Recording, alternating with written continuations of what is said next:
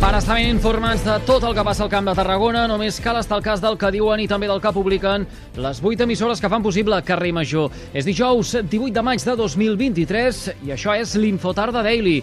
Anna Blassa, bona tarda. Explica'ns, si us plau, què tenim avui en portada. Hola, Eduard. Bona tarda. Doncs avui comencem explicant-vos que la DOP Siurana, la denominació d'origen protegida a Avellana de Reus, volem dir, calcula que la sequera podria fer perdre fins a 4.000 hectàrees d'avellaners al Camp de Tarragona. Tant l'òrgan regulador com el Sindicat Unió de Pagesos temen que aquesta situació tingui repercussions a la llarga i afecti directament el relleu generacional. Sergi Martín, que és responsable de Fruita Seca Unió de Pagesos, destaca que la sequera no fa més que agreujar la crisi del sector. Aquest sector ja ve tocat d'anys enrere per les baixes collites i els baixos preus i el que ens trobem és que serà una situació molt difícil un altre any més d'engolir, no? I a mi el que em fa més patir són els, la gent jove que s'incorpora, que tenen plans de millora, que han de pagar crèdits i que portem ja 4 o 5 anys que, que no hi ha manera de remuntar-ho. Per la seva banda, la presidenta de la DOP Avellana de Reus, Esther Gomis, comenta que la sequera actual també afectarà els pròxims 7 anys, ja que això és el que tarda a créixer un nou avellaner si els actuals moren i se n'han de plantar de nous. Més coses. La plataforma Celnet reclama una legislació específica que reguli les emissions de la indústria petroquímica de Tarragona. L'entitat celebra que Acció Climàtica ampliï la xarxa de mesuradors i compostos que es controlen. Creu que és un primer pas important, però no suficient. En una entrevista a Carrer Major, el portaveu de la plataforma Celnet, Adrià Pallejà, ha manifestat que disposar de més punt de control no serveix de res si no hi ha una legislació clara. Necessitem una legislació adient a, a la realitat del Camp de Tarragona, perquè estem mesurant totes aquestes dades que sabem per altres realitats i per altres llindes d'altres llocs del món que són perilloses, però com no tenim una legislació aquí que les reguli i que les controli, tot això genera aquest espai d'impunitat i de dir, bueno, podem contaminar tot el que vulguem perquè total aquí no se sanciona ningú. A més, la plataforma Celnet considera que la xarxa actual de mesuradors de la qualitat de l'aire no està ben dimensionada i denuncia que incidents recents han passat desapercebuts. Canviem de tema. El Port de Tarragona ja ha començat les aportacions de sorra per regenerar la platja de la Pineda, Vilaseca. Uh, unes tasques que han començat aquesta mateixa setmana. Les està fent una draga que enguany té més capacitat i genera menys emissions, segons s'han explicat des del port. Es preveu que es descarreguin 100.000 metres cúbics de sorra, una aportació que s'emmarca dins del contracte de 4 anys amb un pressupost global de 2,4 milions d'euros. A la llarga, el Port de Tarragona preveu poder reduir aquestes aportacions de, tor de sorra a la Pineda amb la construcció del contradic de Ponent i, a més, dos espigons al mig de la platja que ajudaran a estabilitzar-la. En política, Junts exigeix una solució definitiva perquè el transport de mercaderies al Camp de Tarragona passi per l'interior.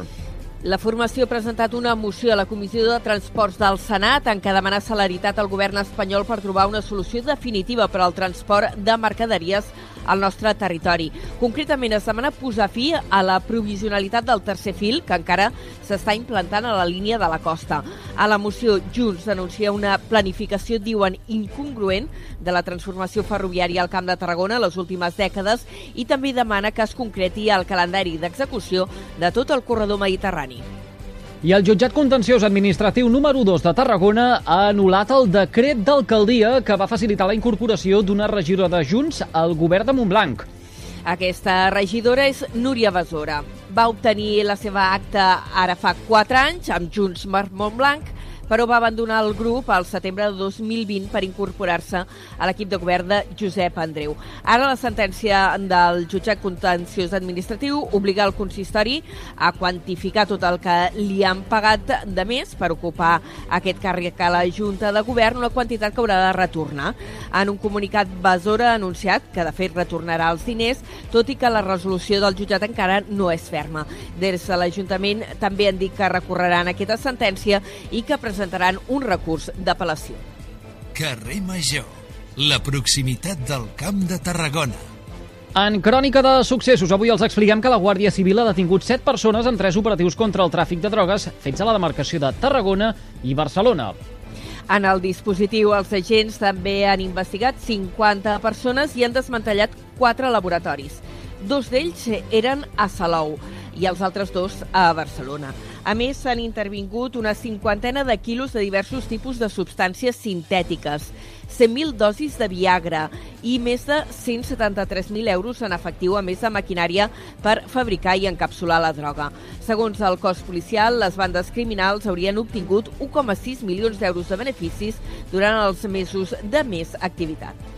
En economia destaquem que les exportacions liderades per la química creixen pràcticament un 4% al Camp de Tarragona i Libre durant el primer trimestre de l'any.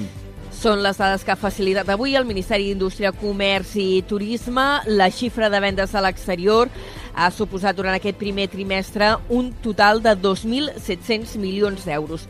En canvi, les importacions han crescut una miqueta, han crescut un 5% amb un valor absolut que supera els 4.500 milions. Això vol dir que la balança comercial del territori continua en xifres negatives, comprem 1.800 milions d'euros més que no pas venem a l'estranger. El Consorci de Comerç, Artesania i Moda ha presentat al Camp de Tarragona el projecte Rutes Artesanes de Catalunya com a eina de promoció al servei del sector artesà. Un acte de presentació que s'ha fet aquest matí al Museu i For del Vidre de Vimbodí, a la Conca de Barberà. Es tracta d'una iniciativa de promoció de l'activitat artesanal, una promoció que també pretén ser turística.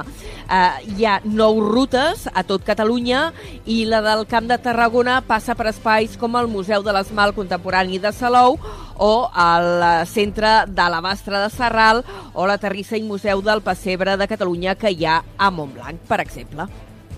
Carrer Major, la proximitat del Camp de Tarragona. I Tàrraco Viva emprèn la recta final amb molt bona resposta del públic.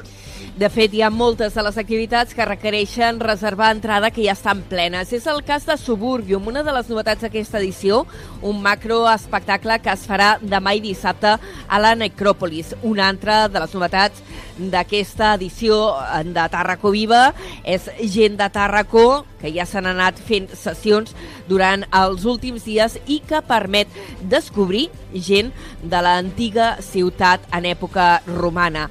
Merche Tubilla és la directora del grup de reconstrucció eh, romana Taleia. Avui surten eh, qui és? surt Aper, per exemple, que va morir amb 30 anys, eh, surt Estatutus, que era eh, un negociador de, de Tàrraco, surt Cornelia Walin, Valentina. Valentia, perdó, que és una senyora eh, rica d'aquí de Tàrraco, que En aquesta edició de Tarraco Viva, que és la 25a, s'han programat uns 300 actes. Van començar ja fa unes dues setmanes, culminaran aquest diumenge i, de fet, el calendari s'ha avançat una setmana respecte al que és habitual perquè no coincideixi amb les eleccions del diumenge 28. Carrer Major, fent Camp de Tarragona. Dit tot això, coneguem quin temps ens espera de cara a les properes hores i connectem amb el Servei Meteorològic de la xarxa de comunicació local. Lluís Mi Pérez, molt bona tarda. A hores d'ara ja es van desenvolupant els núvols i acabaran espetegant algunes tempestes d'aquí ja a poca estona. En el cas de l'àrea metropolitana de Barcelona, amb molta més possibilitat a les muntanyes de l'Urdal, també del Garraf, de Sant Llorenç del Munt, Montserrat, el Montseny o fins i tot a tocar de la serra de Collserola i de Marina. Per tant, a les àrees una mica més muntanyoses de la costa i prelitoral barceloní. Durant la tarda també acabaran apareixent tempestes a la Catalunya central, les més fortes entre el Bages, la banda d'Osona i el Lluçanès, també al Mollanès, i durant el vespre ja algun ruixat arribarà fins i tot a les comarques de Tarragona i del sud de Lleida, bàsicament a tocar de les Garrigues o cap a l'Urgell. A l'Alt Pirineu molts núvols amb alguna nevada, cap a la Val d'Aran a cota de 1.700 metres. Demà també el temps serà enrebaçat, sobretot durant la tarda, amb nous ruixats i moltes més tempistes que avui. Ho anirem seguint a la xarxa.